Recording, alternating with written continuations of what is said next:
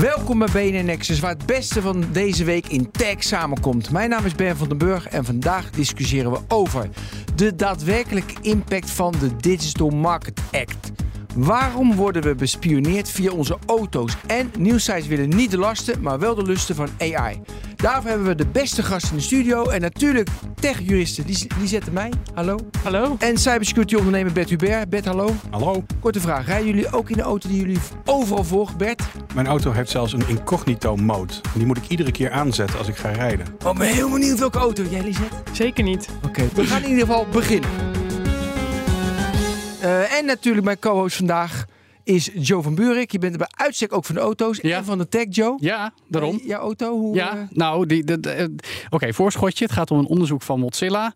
Mijn merk kwam er nog vrij goed vanaf. Maar Ben, dat van jou. Slecht, hè? Wat je, waar jij allemaal bij akkoord bent gegaan, blijkbaar. Nou, daar moeten we het echt over hebben. Ja, ik ben heel benieuwd naar de Bert's auto ook. Oké, we gaan het eerst hebben over de Digital Markets Act. Want ja. die bereikte deze week weer een mijlpaal. Joe, zet er nog even goed neer. Ja, dit is een van de techwetten uit Brussel, hè, waar we het al jaren over hebben. Die de digitale marktmacht van de zes grootste gatekeepers moet gaan opbreken. Alphabet van Google, Amazon, Apple, Meta, Microsoft, allemaal uit de VS. En de nummer 6 is ByteDance uit China, bekend van TikTok. Het nieuws is dan van deze week dat die lijst nu officieel is. Jee, maar nog steeds niet is alles in kannen en kruiken. Want er lopen nog onderzoeken naar iMessage van Apple. En bij Microsoft Bing, Edge en de advertentietak. Is ook nog niet helemaal duidelijk. Plus er zijn nog een paar platforms uitgelobbyd. Gmail en Outlook.com vallen er niet meer onder. En ook Samsung's eigen browser, waardoor Samsung helemaal geen gatekeeper is. Dus Mooi. dat is de stand van zaken nu. Lisette, jij bent techjurist. Je hebt hier al eerder de Digital Service Act gefileerd. Wat, hoe kijk je aan naar de Digital Market Act? Act? Uh, ja, wel positief. Ah, ja. Dat is goed nieuws. Dus we worden er allemaal beter van in Europa. Nou, niet allemaal. Kijk, die uh, hey, de, de, de, de, poortwachters niet natuurlijk. Nee, maar wij, het volk. Ja, nou het volk. Ik denk vooral um, meer de bedrijven die natuurlijk gebruik moeten maken van, uh, ja, van, de services van de poortwachters. Die worden er natuurlijk wel beter van. Dingen moeten meer toegankelijk worden. En misschien wij inderdaad als Europeaan, als eindgebruiker natuurlijk ook. Meer aanbod, meer mogelijkheden. Maar ik denk vooral dat we de afgelopen tijd veel hebben gezien dat we heel erg ons best deden. Ook met nationale wetgeving om iets te doen aan die grote partijen. Hè? Dus uh, hoe het om werd gegaan met bijvoorbeeld... Uh, uh, de app stores, dat ze commissie moesten betalen. Je bent natuurlijk best wel beperkt als bijvoorbeeld appontwikkelaar om um, jouw eigen diensten aan te bieden. En ik denk dat dat wel een goed punt is, want ja, het is natuurlijk een verordening, dus we gaan als Europa weer samen zweren tegen uh, de big tech. En ik denk dat dat, ja, nou ja, wel wat positiefs kan zijn. Ja, Bert. Ja, nou ja, ik wil daar wel wat aan toevoegen. Je introduceerde, introduceerde het als een techwet. Ja, een soort van. En dat is het eigenlijk helemaal niet. Nee, nee klopt. Nee. Dus ja. het, is het, het, het gaat om concurrentie. En veel van wat er in die wet staat. Eigenlijk, kijk, we willen nu ook met bestaande wetgeving wil je ook al niet dat Mercedes zegt dat je alleen maar Mercedes benzine mag tanken. Of zo. Dan zeggen we dat mag al niet. En uh, dus daar proberen we al grote bedrijven mee in de tank te houden en te beperken. En eigenlijk is deze wet heeft een aantal dingen nog eens een keer heel helder opgeschreven. En heeft gezegd: het gaat dus over jullie, lieve bedrijven. Want jullie hebben miljarden omzet. En eigenlijk, wat, wat, kijk, het was natuurlijk uit de hand gelopen. Als jij een app koopt bij Apple moest je daar 30% voor betalen aan Apple. Ja, of 15 als je minder dan of 15 als je minder dan een miljoen. Ja, jij hoeft niet betalen, de developer Juist, krijgt 30% maar, minder. Nu komt hij. De developer mag ook niet van Apple tegen jou dat vertellen.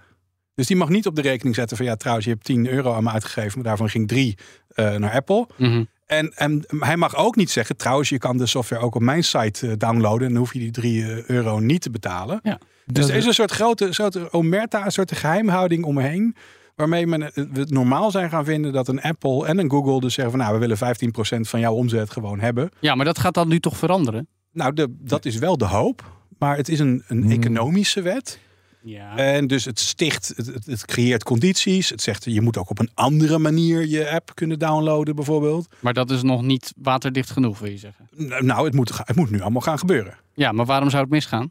Is je uh, niet goed genoeg, het idee maar? Nou, wat ze gezegd hebben, is dat de, de, die wetgeving komt niet altijd goed uit een ei. Dus het is, je weet niet. Te veel water bij de wijn. Ja, nou, of, of misschien is die juist te streng, is die eigenlijk niet te handhaven. Maar wat ze dus in dit geval wel hebben gezegd is veel, er zit een dynamisch element in. Dus zij kunnen wie er, voor wie die geldt, kunnen ze eigenlijk vrij snel eh, tunen. Ja. Want wat hebben ze nou gemerkt? Ze hebben bij Apple en bij Google en bij Microsoft echt hele goede juristen. Joh, Ja, bergen. Meer, Ja. dan, meer dan 100. Ja. Eh, Bert, kunnen we even concreet worden? Bijvoorbeeld eerst die App Store. Denk jij dat inderdaad, dus dan, eh, nu moet je natuurlijk je, je iPhone-app via je iPhone downloaden. Via de App alles moet via de App Store.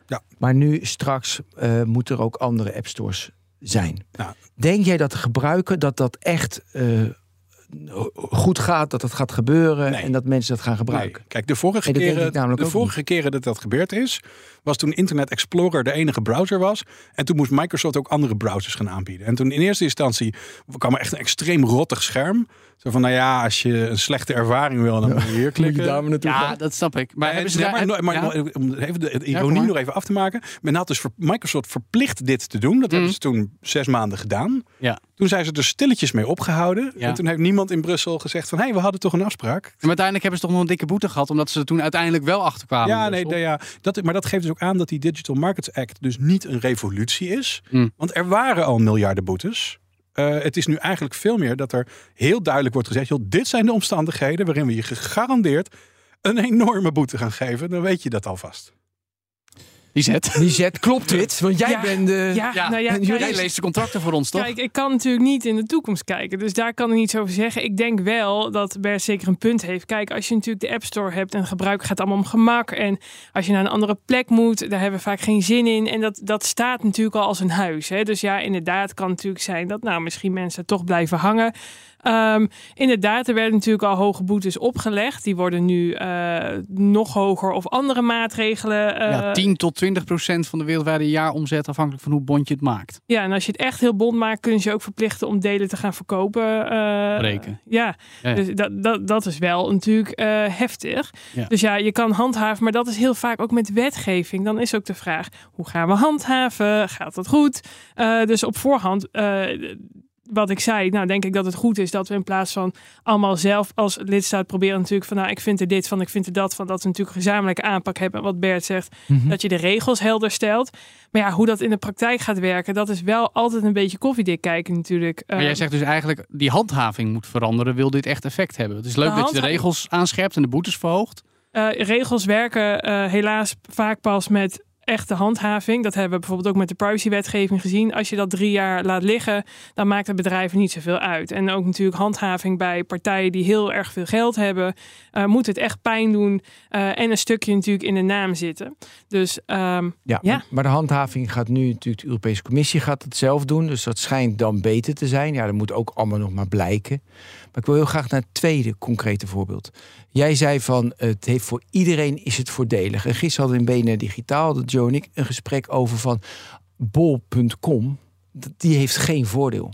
Want nu als ik een verkoper ben op Amazon, dan krijg ik alle data en dat is hartstikke prettig. Dat moet nu van de DMA. En als ze het niet doen, krijgt inderdaad Amazon een boete. Maar ja, ik krijg die data niet van bol.com. Of bol.com gaat dat dan ook doen. Want ja, ze moeten wel, want het ga- gaat ook op Amazon. Maar in principe ben je als third-party seller...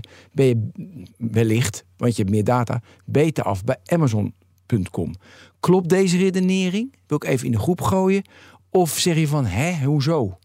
ja, ik, ik volg hem niet. Dus je bedoelt als je een, een verkoper bent of je producten via bol.com verkoopt jij, Amazon. jij bedoelt volgens mij dat Amazon nu door de DMA gedwongen moet worden om jou als reseller actief op Amazon Klopt. een betere uitgangspositie te geven. Ze, ze moeten nu de data delen. bol.com zich daar niet aan hoeft te houden. Dus voor jou als Ja. reseller zou het gunstiger kunnen worden om op Amazon actief te zijn. Want die heeft meer regels om zich Ja. aan te houden dan bol.com. Ja. Dat, dat is mijn redenering nu. Zie je Maar heel ik- moeilijk kijken. Ja, Bert, nee, ik zie- maar- of, oh, ja, wie, wie, De, zoals ik het had begrepen, is er inderdaad die verplichting om die data door te leveren. Ja. En ook de eindgebruiker mag daar dan ook zelf nog om vragen. Dus maar, kijk, maar er kan dus een soort waterbed-effect optreden. Dat Amazon dit nu moet doen. En eh, wat toch wel fijn is voor die third-party reseller. Mhm. En bol.com zal het dan misschien ook moeten gaan doen. Omdat anders third-party resellers zeggen van... "Joh, ik vind het hier niet leuk meer op dit platform. En eh, nou ja, daar wordt, krijgt iedereen er op zich wel voordelen van. Want de nare toestand is dat de, de Amazons van deze wereld... dus hun eigen spullen nogal bovenop de stapel leggen. dat doen ze precies. Dat Ja. is ook Ja. een van de Daar regels. hebben ze een die ze dealtje niet met Apple gesloten Ja. jaren geleden. Ja, dus, dus ik denk dat die transparantie... Ja, als, als andere partijen on- onbedoeld ook gedwongen transparant worden... vind ik dat alleen maar mooi nieuws. Ja, ongedwongen dus. Maar dat in het begin eh, vraag je natuurlijk af hoe snel gaan ze mee. En ik ben ook heel benieuwd hoe snel ze meegaan. Weet je wel, ze analyseren alle data en dan gaan ze hun eigen producten eh, gaan ze bovenaan zitten, Amazon. Of dat hoe snel ze gaan luisteren en of welke rechtszaken er dan komen, dat ze daadwerkelijk daarna gaan luisteren. Ja, en ook, eh, kijk, soms is het natuurlijk heel ehm, duidelijk vanaf, noem het even vanaf de buitenkant, om dat te beoordelen. Eh, maar ik weet niet of dat altijd zo helder is. Hè? Dat je altijd al direct kan zeggen: hé, hey, maar hier eh, ehm, zet je jezelf natuurlijk op nummer 1 en dan had eigenlijk een ander product moeten staan. Ehm, maar ja, inderdaad, dat is wel de kern ook. Hè? Jezelf niet die, eh, die positie geven dat je jezelf in het voordeel kan Ja. plaatsen, omdat je dus zo groot bent. Ja, wat dat betreft denk ik dat er veel winnaars zijn. Maar wat, ik heb wel altijd geroepen, bijvoorbeeld bij de App Store eh, van Apple. Die stelt natuurlijk ook bepaalde eisen. En die doet ook bepaalde controles over de apps om de... Ik ben natuurlijk een Apple-fan. Hmm. Om eh, de maatregelen, de, eigenlijk het beveiligingsniveau van Apple te kunnen waarborgen. En ja, daar heb ik ook altijd wel gezegd, daar vind ik ook wat voor te zeggen. Hè? Dat Ja. je zegt van, ik heb daar ook een, een, eh, een verantwoordelijkheidsrol die ik daarin pak. Dus ja, daar reken ik wat voor. Ja, behalve dat ze daar echt een janboel van maken. Ja, ik wou zeggen, Dus er zijn als toch je- heel wat apps die als je- niet Dat doorheen is zouden waar, moeten dat komen. is waar. ik, ja, ik- ja, ik oké, vind het wel echt jammer van Apple, want inderdaad, dit had je verwacht van ze. joh, Je is betaalt, een je betaalt wat meer. Dat is altijd Ja, argument. maar als je dus Ja. nu bijvoorbeeld gewoon Rabobank intikt of zo, dan krijg je allemaal apps en sommige daarvan zijn ook daadwerkelijk van de Rabobank. Maar heel vaak staat er gewoon echt een concurrerende app boven. eh, de, de, de, de zoek voor, als je op DigiD zoekt of zo, is er een Ja. goede kans dat je helemaal het bos in wordt geleid. Ja. Net zoals al die Ja. mensen die dit jaar vergeefs hebben gezocht naar een ChatGPT-app, totdat OpenAI daadwerkelijk met een ChatGPT-app kwam. Ja, maar er zit dus niemand bij Apple die denkt van, joh, we hebben hier een lijstje. Kijk, dat kan dus nou ook wel. Dus, dus ook in Nederland, de SIDN, bijvoorbeeld de .nl mensen, Mm. Die hebben een lijst met namen waarvan ze zeggen, joh, die zijn maatschappelijk gezien zo belangrijk, dat als jij een copycat eh, ABN AMRO domein probeert te registreren, dan, dan vlaggen we dat. Ja, om we- cyberoplichting te Ja, dan voorkomen. zeggen we, joh, dit, dit is gewoon te gek. En Apple heeft daar in ieder geval voor Nederlandse klanten heel erg met de pet naar gegooid. En dat vind ik zonde, want van die 30% kan je toch best wat doen. dat, Ja. dat is een behoorlijke Oké. eh, inkomsten. Ik heb nu in de App Store en DigiD en Rabobank ingetikt. ja, En eh, allemaal netjes. Nou, super dat is nieuws. fijn. Dan worden die echt super 30% toch goed besteed. Dus. Ja, daarom. Moet de DMA aankomen. Ja, ja, ja. Nou, dat is, dat is natuurlijk wel zo. Hè? Ik bedoel, we hebben het net over het lobbywerk. Wat, eh, als in de Apple dus ook met iMessage. Ja, dat, ik vind het dan lastig om te beoordelen. Dat gaat natuurlijk meer om communiceren. En het punt is dan ook nog wat geroepen is. Ben, hadden we het ook over bij Ja. Digitaal. Dat mede door de DMA, correct me if I'm wrong, echte techkenners. ehm, die interoperabiliteit tussen Signal en WhatsApp zou moeten worden afgedwongen. Ja, Ben, ik, Bert, ik zie je Ja, alweer. kijk, dit, dit is een- technisch gezien eigenlijk een bijna onoplosbaar probleem. Ja, nee, dat zeiden wij ook. En eh, dat betekent Encryptie niet- alleen ze, hebben, al. ze, hebben het er al, Mhm. ze hebben het er ook nu uitgehaald. Dus het is. Oké, dus ah, het is nou, het kan ooit nog doorgaan, maar, Oh niet, ja, maar, niet, maar niet nu, niet nu. Want er zijn inderdaad heel veel argumenten waarmee je zegt, joh, we kunnen de spamfiltering heel moeilijk doen. Want Ja. als we die berichtjes, dan komt er dus bij, bij Signal een berichtje binnen van dit is een berichtje van een WhatsApp gebruiker. Maar we gaan verder geen detail doorgeven van Ja. privacy. Nou, dat is dus een stortvloed aan Nee. spam komt er doorheen spuiten. Ja. Dus Ja. daarvan hebben we gezegd, nou, dat gaan we nu even nog niet oplossen. Maar er is wel een effect in Amerika. Zat is het zo dat als je geen iPhone hebt, dan kom je er gewoon niet tussen. Want hele netwerken leven alleen op iMessage. Ja, weet ik. Dat is Ja. dat, dat verhaal van Tim Cook die tegen een journalist zei... ja, als je met je moeder die een Android-telefoon berichtje wil uitwisselen... Moet je hem een kopen. iPhone Ja, dan spreek je je moeder gewoon maar niet meer. Ja, Ja. nee, maar dat is toch eigenlijk... ja. Ja, nou goed. Ja, ja, dat, ja. Ja, ik vind het helemaal niks. Nee, maar er zal wel iets aan gedaan moeten worden. Maar Ja. wel is becommentarieerd, de DMA-wetgeving is al ontzettend snel ontwikkeld. Ja. En op dit moment, en ik ben echt een enorme eurofiel en ik neurie als ik ochtends wakker word het Europees volkslied, want het heeft geen tekst. Ehm, maar de wetgeving, men heeft nu zo snel, in zo'n hoog tempo, zoveel wetgeving gemaakt, dat, Mhm. dat kan best wel even een klein beetje langzamer, want het kan niet allemaal goed zijn. Nee, maar goed, het duurt ook nog wel lang voordat ze helemaal door zijn. En het, eh, Maar, eh, ho, een, tijdje geleden, Lisette, was jij in BNR Digitaal om ook over de Digital Service Act te praten. En ik weet dat de scherpste kritiek kwam pas toen de microfoon uitstond. Dat zeg ik even bij. Maar over de DMA ben jij dus meer te spreken, zei je net in het begin al. Nou, meer het, eh, het. Ja, ook. Kijk, hier begrijp ik wel dat ik vind. Het is wat Bert ook zegt. Het is ook meer om die machtspositie natuurlijk. Eh, en meer een eerlijke markt te geven. Hè? Eh, En daarbij ook de ontwikkelaars, want daar sta ik wel echt voor de innovatie, Hmm. dat een plek te geven. Waarbij de eh, Digital Services Act ik bij bepaalde dingen wel dacht, en dat was natuurlijk ook de kritiek die ik had, dat die grote partijen moeten gaan betalen. Hè? Dus een soort fee moeten betalen, omdat ze zodat groot ze zijn. gehandhaafd kunnen worden. Ja, dan denk ik, jongens, ehm, zij vragen niet om die wetgeving. Zo, zo zit ik er dan ook wel weer in. Ehm, Maar ja, Ja. het is altijd een beetje tweeledig wat ik zei. Ik vond ook wel soms iets ervoor te zeggen wat de grote partijen doen. Hebben hard gewerkt voor de positie. Maar ja, tegelijkertijd moet er gewoon een eerlijke markt zijn. En moeten we daar op een gegeven moment wat mee doen. En ik denk dat dit wel een stap is. En of inderdaad alles in de praktijk uitwerkt. Ja, dat is een tweede vraag. We moeten naar de transatlantische tech-kloof. Die, die Mooi is woord, hè? Ja, dat is, pra- Joe, een- dat is een woord van Joe. Nou ja, we zien het al. Threads, die, eh, die komt niet... Ja, ja, Bert baalt al. Dat komt niet naar Europa vanwege de DMA en de DSA. Eh, nou ja, Hebben Bert en ik het nog over gehad in de, Dus de, zomer erg. interbellum. nee, maar je ziet wel heel duidelijk, weet je, er komt nu het, er komt een kloof, jongens. Nou ja, die is al bezig. Alleen Ja. het is meer van Meta heeft eigenlijk gewoon toegegeven in sommige interviews. Ja, we wachten nog even met threads in Europa vanwege de DMA en de DSA. Ja, maar hoe erg is dat? Nou, ik vind dat ergens ook een slap excuus. Is dat zo? Ja, vind ik echt. Want? Waarom? eh, eh, Dus dat betekent dus dat je dit dus niet. Dan zeg je dus ja, dit kan ik niet waarborgen, kan geen eerlijke markt bieden en ik kan niet eh, inzage geven in wat ik doe. Hè? Want daar ziet die deze natuurlijk op een stukje transparantie ook. Eh, ook een stukje, eh, een stukje adverteren zit eraan vast. En denk ik, nou, als je dat al niet kan implementeren, omdat het dus allemaal meer werk is en meer tijd kost, dat vind ik gewoon Ja, maar ook een business eh, reden. Dat inderdaad je account komt van Instagram en dat koppelen, dat, dat willen ze Nou ja, dan dat niet. willen ze niet. Dat nee, maar, dat, wel, nee, maar dat ja, maar dan dan zit daar dus gewoon puur. miljoenen mensen door. Ja. Ja, maar er zit dus puur een commercieel belang aan vast. En dat vind ik. eh, Jij zei toch net dat bedrijven hun, hun posities hadden verworven Ja, en dat bla bla bla. weet ik. Maar ergens, ja, maar dat vind ik dus dat je wat geld vraagt voor bijvoorbeeld een controle. Dat, dat, nou ja, dat vind ik dan oké. Mm. Maar ik vind dus dat je dan zegt, nou, het is sowieso vind ik het een soort trend worden dat, eh, dat, dat die partijen gaan dreigen om niet naar Europa te komen als die wetgeving zo erdoor gaat. Dat zag je ook met OpenAI. Ja, bijvoorbeeld. Oh, dreigen, het gebeurt dus gewoon Hey, al. maar we zitten dus heel erg van de democratische waarden in Europa. Die zijn belangrijk. We moeten mensen beschermen tegen AI en tegen grote techbedrijven. D- daar zitten. Best wel heftig, hè? daar horen we veel over. Zi- Zijn we daarmee op de goede weg? Kijk, ik heb persoonlijk wel eens van, nou, het gaat wel. Weet je, ik hou natuurlijk van die vrijheid dat we kunnen proberen. En wij zijn verstandige mensen, we gaan er goed mee om. Of is dat niet zo? Je kijkt naar Bert Ja, kijken naar Europeaan, tech-expert en Ja, ondernemer. maar je ziet nu dat En zanger? Ja, maar je ziet dat ze ook in Amerika nu, nu ook dit soort wetgeving beginnen te schrijven. Want ook daar lopen de problemen met Amazon eh, en Facebook uit de hand. Dus het is niet alsof Ja, we in Europa echt eh, unieke gekke Henkie zijn hierin. Ja, maar Bert, dan moeten we natuurlijk samenwerken met de United States of America. Ja, but not going to happen. Nee. No. Nou, Maar kan het ook niet hand in hand gaan dan? Innovatie met ondertussen dat eh, daar een, ba- een juridische basis onder leggen. Wat mij betreft zeker wel. Ik heb, maar, ja. maar kijk, een probleem is dat ze in Amerika zo ervan overtuigd zijn dat je data aan iedereen en altijd kunt verkopen. Dat ze heel veel moeite hebben. Als ze naar Europa toe komen, dan, zegt, dan vraagt zo'n compliance officer van joh, deze de, de EU Threads app. Lekt die, eh, lekt die data naar onze eh, adverteerders? En dan zeggen ze geen idee.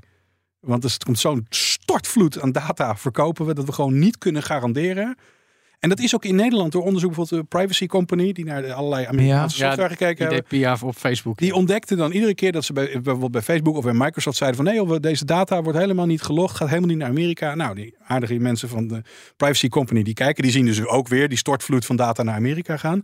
En dan zeggen ze bij Microsoft en Facebook echt oprecht, ik denk dat ze het echt menen. Zeggen ze, joh, wij wisten dat niet. Ja. Wij wisten Ja, maar, dat, niet. maar, dat, maar eh, ik vind even serieus, dat, dat kan Nou, toch niet? Nee, En maar kijk, wa- en dan ziet het op. Ja, maar ik bedoel, het gebeurt wel. Maar de verkoop van data, dat belemmert toch ook niet je innovatie? Dat belemmert dus alleen maar je portemonnee. Ja, maar ik vind ook een beetje slap zeg. Ze wisten het Ja, niet. maar hoe kan want dat? Ze gebruiken wel die data om de advertenties te optimaliseren. Ja, en ik weet niet dat ik die data Nee. heb. Ja, hoe Ja, kan je maar, dan? maar het zit er gewoon in het drinkwater. Het is gewoon zo de universeel. cultuur. De cultuur dat je Ja, ik wil. snap Ik weet niet of je wel eens Amerikaanse toiletten hebt gezien. Die hebben van die deuren. Die Ja. beginnen 40 centimeter vanaf de Ik ken grond. dit verhaal van jou, Bert. Ja, Dat dan kun je allemaal, zie je al knieën. Ja. En ze, ze geloven gewoon niet in privacy Ja. daar. En dan ga je nu, en nu even om afsluitend, ik Ja, denk dat we hier bijna zijn. Ja. Als je dan naar Europa toe komt en je bent met zo'n club waarvan je eigenlijk denkt van ja, ik heb 4000 componenten in mijn eh, Threads app zitten. En ik heb niet al die 4000 componenten Dan geoordeeld. denk je, laat maar zitten. Dan zijn er vast 50 die al die data weer gewoon rechtstreeks in een pisboog naar Amerika sturen. Ja. En dat, en dan Onder die denk je- 40 centimeter hoge onder die deurtjes 40 door. centimeter deurtje. En dan denk je van nou weet je, laat maar even, want dit wordt duur. Tweede onderwerp, als we het toch over data, stofzuigen. De de volgende, Joe, auto's. Ja, Wat, wat ben je tegengekomen deze week? nou, een boeiend onderzoek van Mozilla. Altijd begaan met onze privacy. Met het project Privacy Not Included. Lisette had het kunnen bedenken, denk ik. Dus ja, nee toch? Dat is ook jouw Ja, business. zeker. Ja. Maar goed, eh, Mozilla heeft dus in kaart gebracht hoe sommige van de populairste automerken omgaan met onze data. Nieuwsles, bijna allemaal doen ze het best wel slecht. Ze vergaren namelijk niet alleen data over waar en hoe je rijdt, maar ook over je lijf en zelfs over je seksuele activiteit.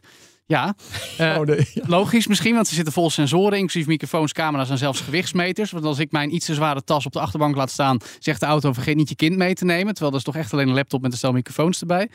Is ook een Eh, soort Dus je auto kijkt Nou, niet, ja. dus er is geen camera in je auto die Nou, ziet dat ook, is... nou, bij jou wel, maar daar komen we op. Maar goed, je koppelt je telefoon natuurlijk aan je auto. Is ook een schat van data. En al die data wordt ook nog eens, Bert zei het al, verkocht. Als het eh, aan sommige merken ligt. Trouwens niet alleen Amerikaans, dat is ook erg.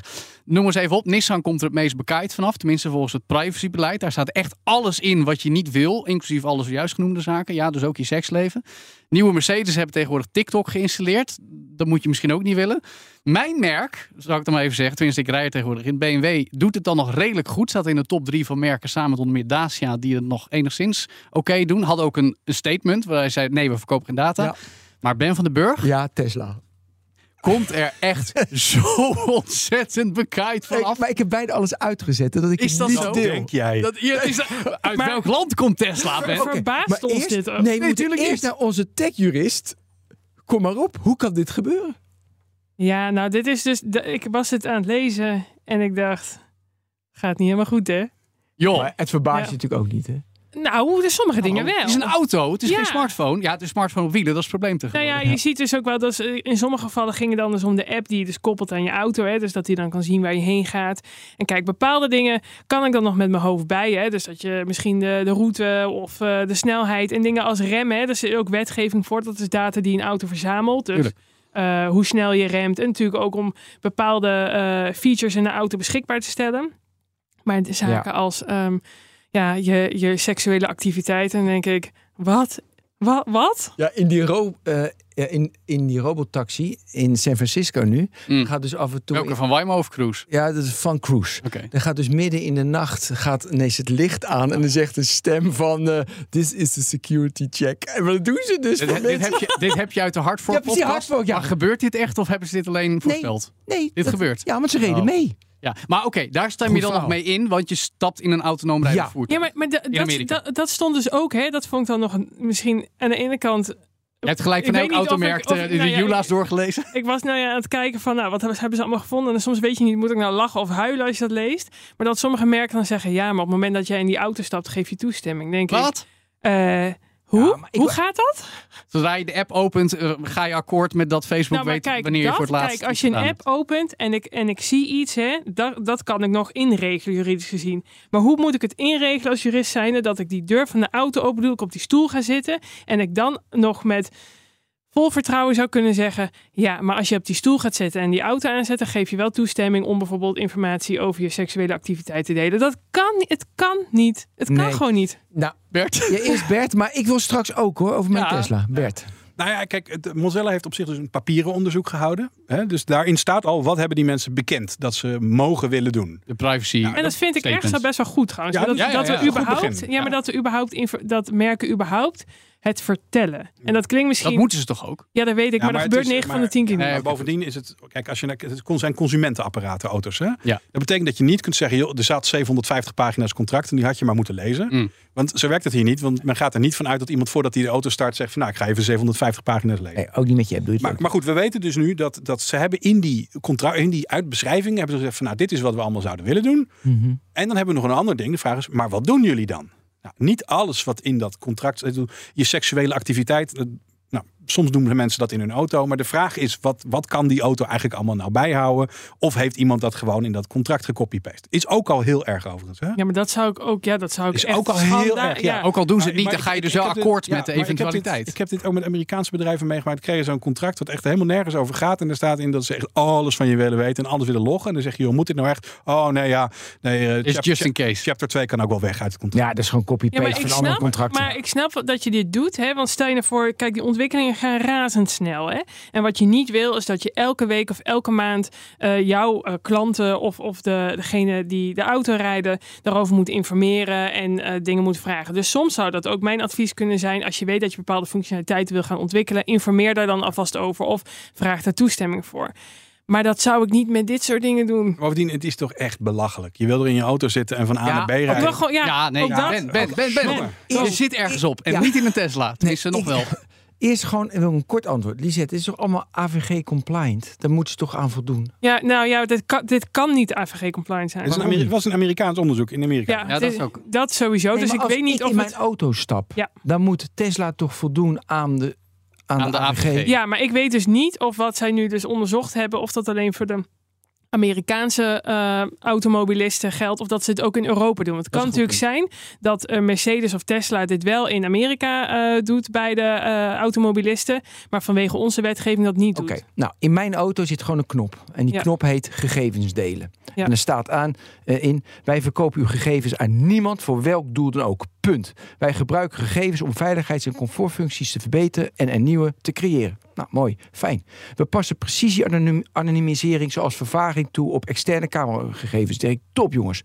De, de vierde en de laatste. Tenzij er sprake is van een veiligheidskritische gebeurtenis, worden de kamergegevens niet aan uw VIN gekoppeld. Aan mijn, aan mijn eigen. Chassisnummer. Nou, het is toch top? Ja, En dan kan ik precies aantikken wat wel. Ik vind verbe verbeter autopilot. zeg ik ja, dat wil ik. En dan zeggen ze weer van ach, anoniem.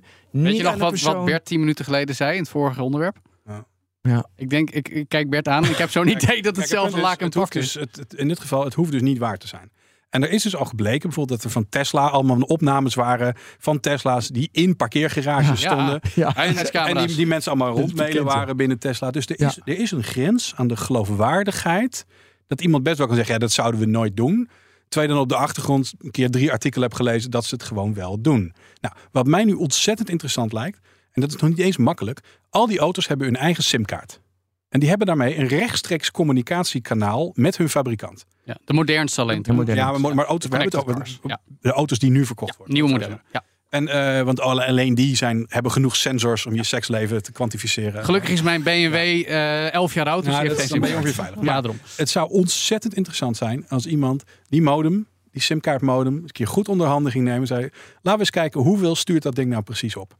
En het zou mij totaal niets verbazen dat je dan ontdekt dat zelfs met al die vinkjes uit je auto een 100 megabyte per dag aan de telemetrie Nee. opstuurt. Nee, ik zat namelijk... Hoe kan je dat nou weten? Nou, nou, ik zal vertellen. Ik zit bij de Next Web, zit ik naast een persoon. Ik kijk op het kaartje waar zo het en er stond data analyst Tesla. Ik denk, wow, ik zit naast. Dus ik vraag... Die weet van jouw seksleven, Ben van den Burg. Die, die weet alles wat ik doe in de auto. Dus ik vraag haar, wat wordt er nu gestuurd? Ik zei, ja, come on, weet je, wat wordt er nu gestuurd? En toen zei ze alleen maar bij een kritisch, dus als ik zeg maar eh, eh, rood heb, weet je, of mijn stuur niet vast staat, dan sturen ze iets op. Voor de rest is het veel te veel data. Dat vertel en ik geloof Ja. haar. Ja, ik Maar ik vertrouw de ben blij mensheid. dat jij zo'n vertrouwen hebt in de mensheid en ook niet Hoe denkt kan dat je die... nou al die data wegpompen? Dat is terabytes. Ja, maar Ja. zo'n zo'n zo'n Ja. dame waar je dat aan vraagt, die heeft toch ook een geheimhoudingsovereenkomst? Ja, maar het was een. Die kan je een- toch helemaal een geen juicy details? een Nee, ook in nee. Oké, En een- wie zegt dat zij alles Een ziet? andere.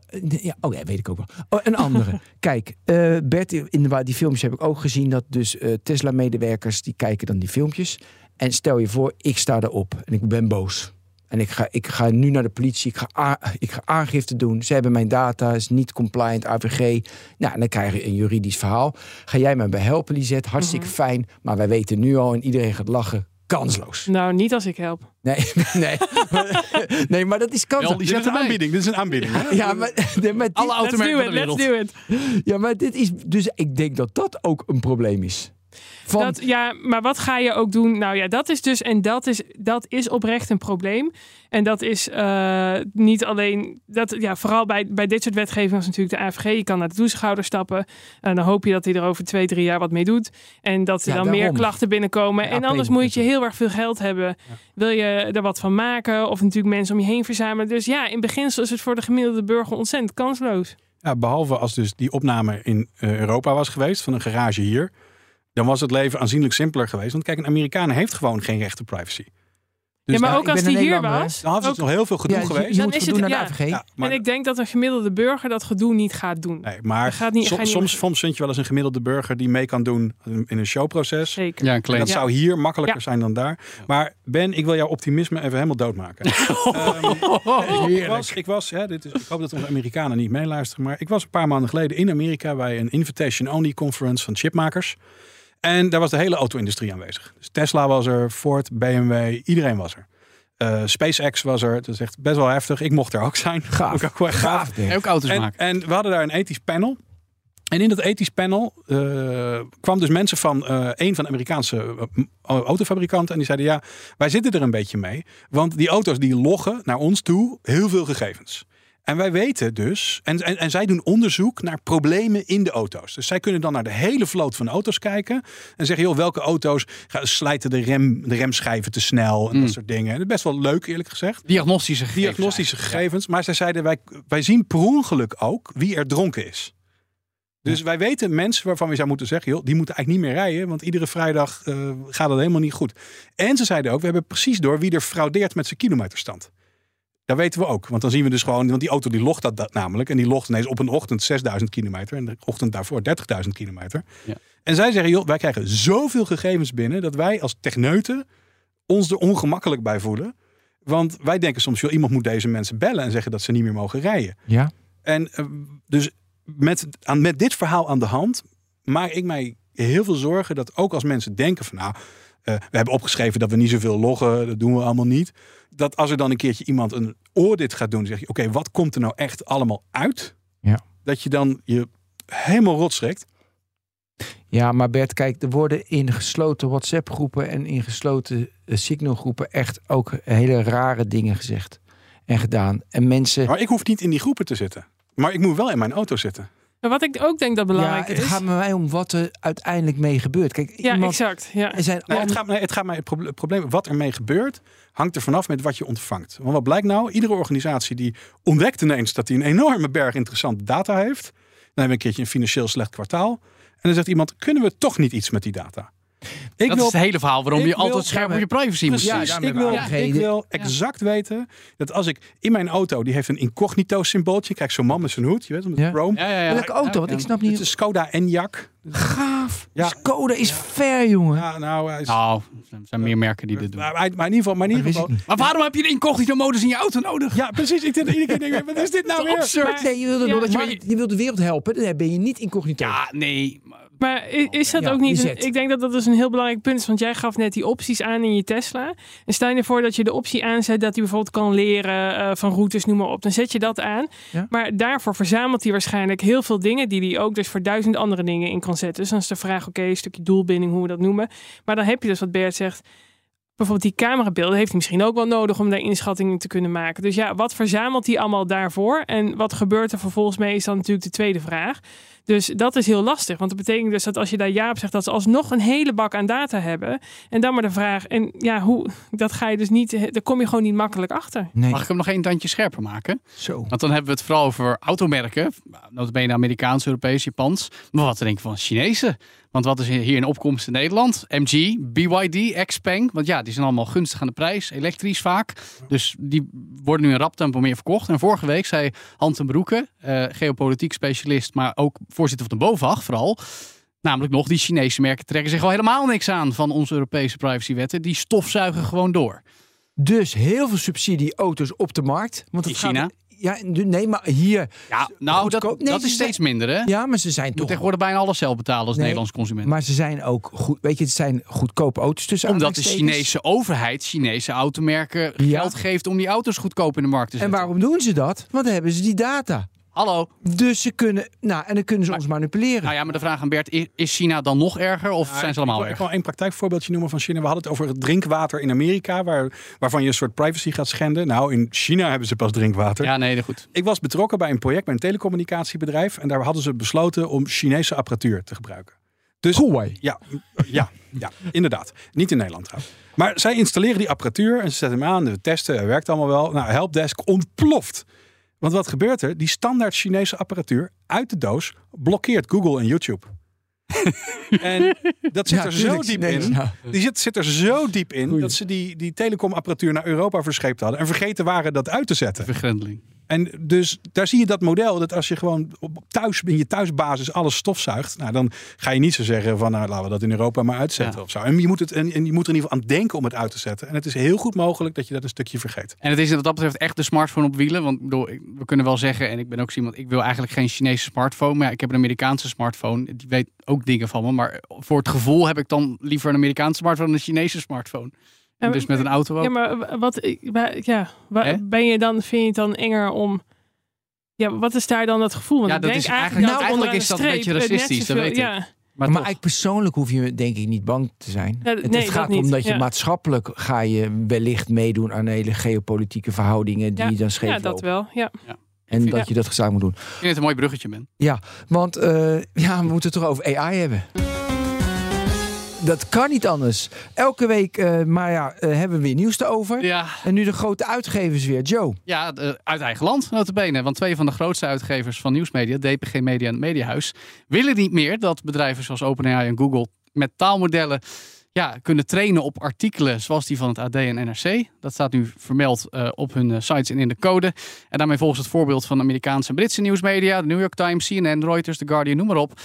Volgens een woordvoerder van DPG Media heeft OpenAI inmiddels ook al gezegd dat ze dat dan gaan respecteren. Nou, het is een Amerikaans bedrijf, dus dat moeten we maar geloven. Bert, ik zie je alweer een beetje twijfelen. Nou ja, oké, komen we zo.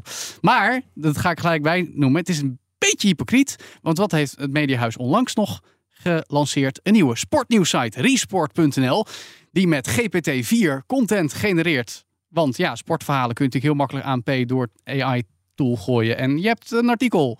En nu.nl gebruikt ook AI voor het samenvatten van nieuwsartikelen. Ja, Dus niet de lasten, wel de lusten. Lisette, jij bent techjurist. Ehm, je hebt dit vaker mee te maken gehad. Hoe kijk je hiernaar? ja, dit is wel een oplossing om ja, dit probleem. Nou, je moet je voorstellen, toen dat hele ChatGPT kwam, was iedereen natuurlijk een soort van paniek van hoe zit het nou eigenlijk? Hè? Ook met het auteursrecht. En mogen ze dit nou doen? Mogen ze dat allemaal gaan scrapen en ervan gaan leren? Eh, en Wat dit, is de laatste stand van zaken? Nou, in principe zou je dus kunnen zeggen dat als je dus een stukje toevoegt, dus bijvoorbeeld in de code, dat als eh, ChatGPT dan gaat zoeken en die ziet van, oh, ik mag dit niet meenemen, dat is een, een manier om dat te doen. En dan luistert Eh. ChatGPT braaf? Of in ieder geval... Nou, dat hoop ik. Dat is de bedoeling natuurlijk. Dat zouden ze juridisch gezien moeten doen, inderdaad. Want de Ja. auteurswet die zegt dan, nou, reproductie van die artikelen, dat mag. Mits je daar dus rechtmatig bij kwam. Krijg je natuurlijk ook die betaalmuren, discussies, hè, waar ze dan, eh, eh, dan voorbij konden. En mits dus degene, de, degene ja, de auteursrechthebbende, niet heeft, noem het even een opt-out, hè, dus niet heeft aangegeven dat ze niet willen dat je je artikelen dus gebruikt. Dus deze manier is wel een manier om dus aan die auteurswet te voldoen. Het pijnpunt hierin, en dat wordt natuurlijk ook aangegeven, is natuurlijk dat je dat stukje kan gebruiken om bijvoorbeeld ChatGPT weg te houden. Maar je moet maar net weten welke eh 300.000 andere, andere eh, Bots. botsen zijn die hetzelfde zijn. doen. En dan moet je dat allemaal individueel opnemen. Dat is natuurlijk wel eh, lastig. Ja. Bert, eh, technisch is dit allemaal te doen? Die 300.000 andere... Nou, nee. En, eh, maar het is wel iets makkelijker te, te toetsen. Kijk, als de, de, de ChatGPT-bot bij mij langskomt en die zegt: Ik ben de ChatGPT-bot. En die ziet daar bij mij staan: "Wil, Je mag hier niet komen. Dan gaat hij echt wel weg. Maar zo werkt het moderne internet niet meer. Want heel veel content wordt gerepost, gesyndicate, komt in RSS-feeds. Geïndexeerd. geïndexeerd. Dus, dus het, is, het is een leuke poging, maar waterdicht gaat het niet zijn. Eh, en de verificatie is natuurlijk heel lastig. Want als, als een AI iets heeft geleerd van een van mijn klimaatartikeltjes. en later merk ik dat die AI iets weet over het klimaat. dan weet hij niet dat hij iets van mij heeft. Nee, dat, Ja, ja, vergeet heel uit welk boek hij het gelezen heeft. Ja, ja. Ja, maar ik vind nog steeds... Wat is nu... Dus eh, als hij screept van mijn site en, en mijn auteursrechten zitten erop... Ja. dan kan ik OpenAI aanklagen. Ehm, nou, Als je ik hebt- merk, nou, nou, Oké, Stephen King is een heel mooi voorbeeld. Weet je, die heeft ook heel, in Atlantic een heel groot artikel geschreven dat hij gescreept is. Eh, die data kwamen in heel veel boeken. De boek 3 heette die database. Er is bijna alles mee getraind. Zelfs die van Bloomberg, GPT, dus echt mega veel. En die schrijvers, die waren boos. Maar ik vind het nog steeds niet helder. Van, oké, het was heel duidelijk, dat komt uit een boek van Stephen King. Kan Stephen King aanklagen? Nou ja, en dat is dus eh, eh, ook een moeilijke, want je merkt hier heel veel verschillende opinies ook over. Maar in principe geldt dus voor het auteursrecht dat het reproduceren van tekst in principe niet onrechtmatig hoeft te zijn, mits je daar dus op een dus rechtmatig bij die tekst kan. En mits dus de, de ja, dus bijvoorbeeld de website heeft aangegeven dat ze niet willen dat je doet. Want als dat dus zo is, dus als je dat dus toevoegt en ze screpen alsnog die artikelen van die website, want Bert heeft natuurlijk een heel goed punt. Ja, als hij op een andere website staat en daar, daar krijgt hij niet eh, natuurlijk de orde om weg te gaan, dan ben je alsnog eh, de pineut. Maar dan kan je dus zeggen, hé, hey, maar dit mocht niet, want ik heb gezegd dat ik het niet wilde. Kijk, en dat hele Stephen King van, ik durf je daar nu geen antwoord op te geven. Dat is natuurlijk ook weer, ja, eh, of daar dezelfde wetgeving is Dat Ja. is natuurlijk ook weer een eh, ander verhaal. Een klein beetje historisch perspectief. Toen, toen het internet voor het eerst kwam. Ja, copyright is dus letterlijk het vermenigvuldigingsrecht. En dat is al heel oud. Veel ouder dan internet. Ging vroeger over bladmuziek. En toen internet net werd uitgevonden. Als jij een webpagina downloadt. Dan gedurende het bekijken zijn exemplaren van die webpagina aanwezig in het geheugen van tussenliggende Ja. apparaten. Ja. En toen het internet helemaal begon, waren er al rechtenhouders die zeiden van ho ho, daar moet ik voor betaald worden door de PTT. Want die hebben tijdelijk kopieën gemaakt van mijn website. Nou, toen is er vrij snel best wel goede wetgeving gekomen, eerlijk gezegd. Die heeft gezegd van, joh, als je dat soort dingen alleen maar doorgeeft, eh, dan is dat niet jouw probleem. Maar dat was een lucky shot, denk ik. Ik denk dat we toen mazzel hebben gehad dat de copyright-wetgeving wel een beetje wilde hierop. Mhm. We komen nu in een heel nieuwe wereld terecht, waarin ik denk dat er opnieuw nagedacht moet worden. Van joh, als ik hier een algoritme heb en dat heeft geleerd van jouw data. Nou ja, jouw data zit niet één op één in dat model, maar je hebt er wel aan bijgedragen. En ik vermoed dat wij de komende tien jaar, want zo lang duren dat soort dingen, hele interessante copyright gesprekken gaan krijgen. Waarin alle partijen in dit verhaal, dus ook rechtenhouders. Kijk, de rechtenhouders, die zien nu de mensen van wie die content is. Die zien ChatGPT, denken nou ChatGPT is straks duizend miljard dollar waard. Daar willen we wel de helft van.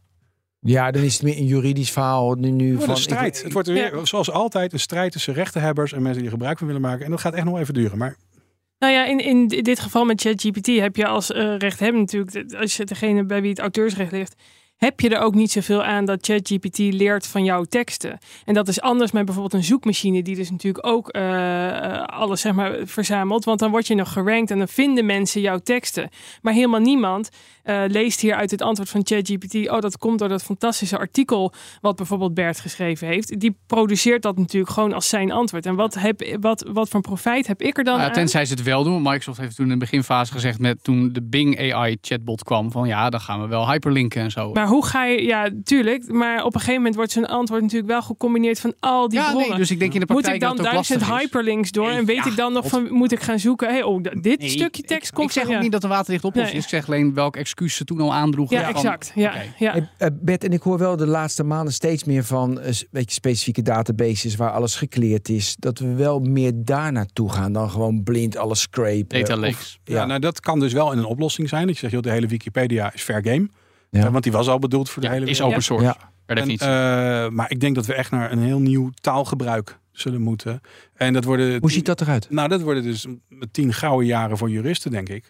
hey, maar, is daarin, het? ja, maar daarin zal men dus moeten zeggen van, joh, is er zoiets als data-eigendom? En dat bestaat nu bijvoorbeeld al bij medische trials. Als jij meedoet aan een medisch onderzoek en 10.000 mensen doen mee en daar komt een bepaald resultaat uit, dan is de vraag, is dat resultaat niet ook een beetje van die 10.000 mensen die meegedaan hebben of niet? Nou, daar juridisch gezien nee, want we hebben gewoon gezegd, daar gaan jullie niet over en eh, je doet het maar niet. Maar eh, misschien komen we toch wel uit dat in de, als voor dat de rechthebbenden hun shit goed voor elkaar hebben. En dat hebben ze over het algemeen wel.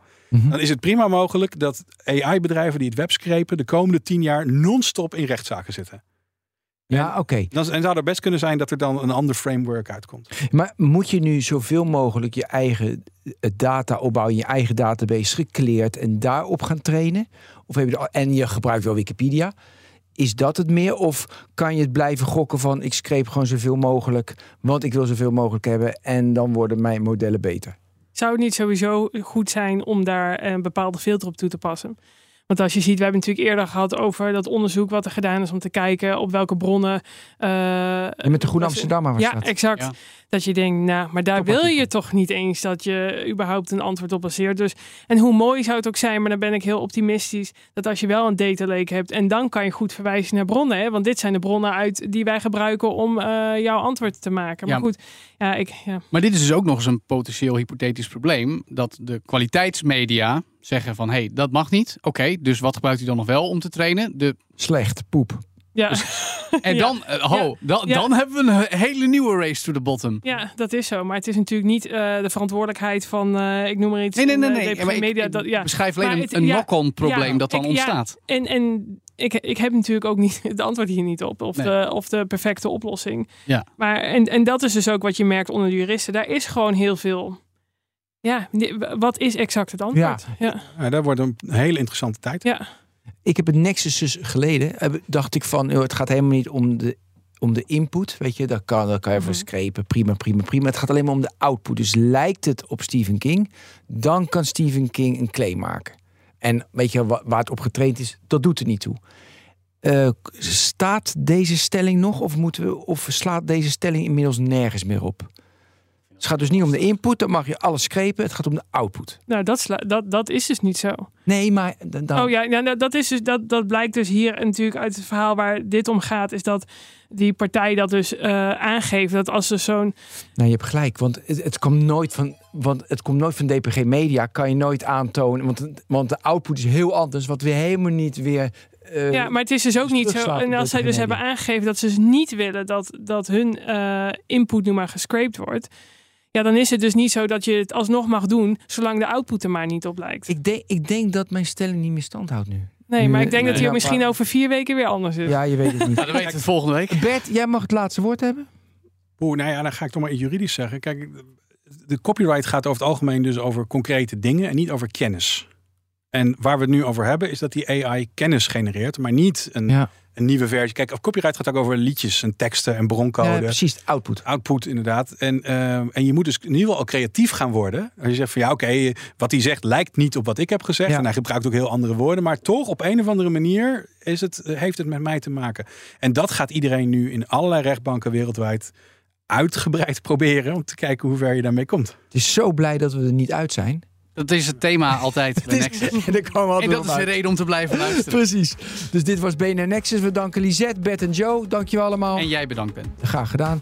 Dit was hem dus voor vandaag. Volgende week zijn we terug met een nieuwe Nexus. Blijf ondertussen onze andere tech-podcast deze zomer volgen en luisteren. En ook deze winter, wat er ook komt, zoals BNR Het voelt Digitaal. als zomer En- buiten, dus zeg Nou, maar het is zo heet. Oké, hoi.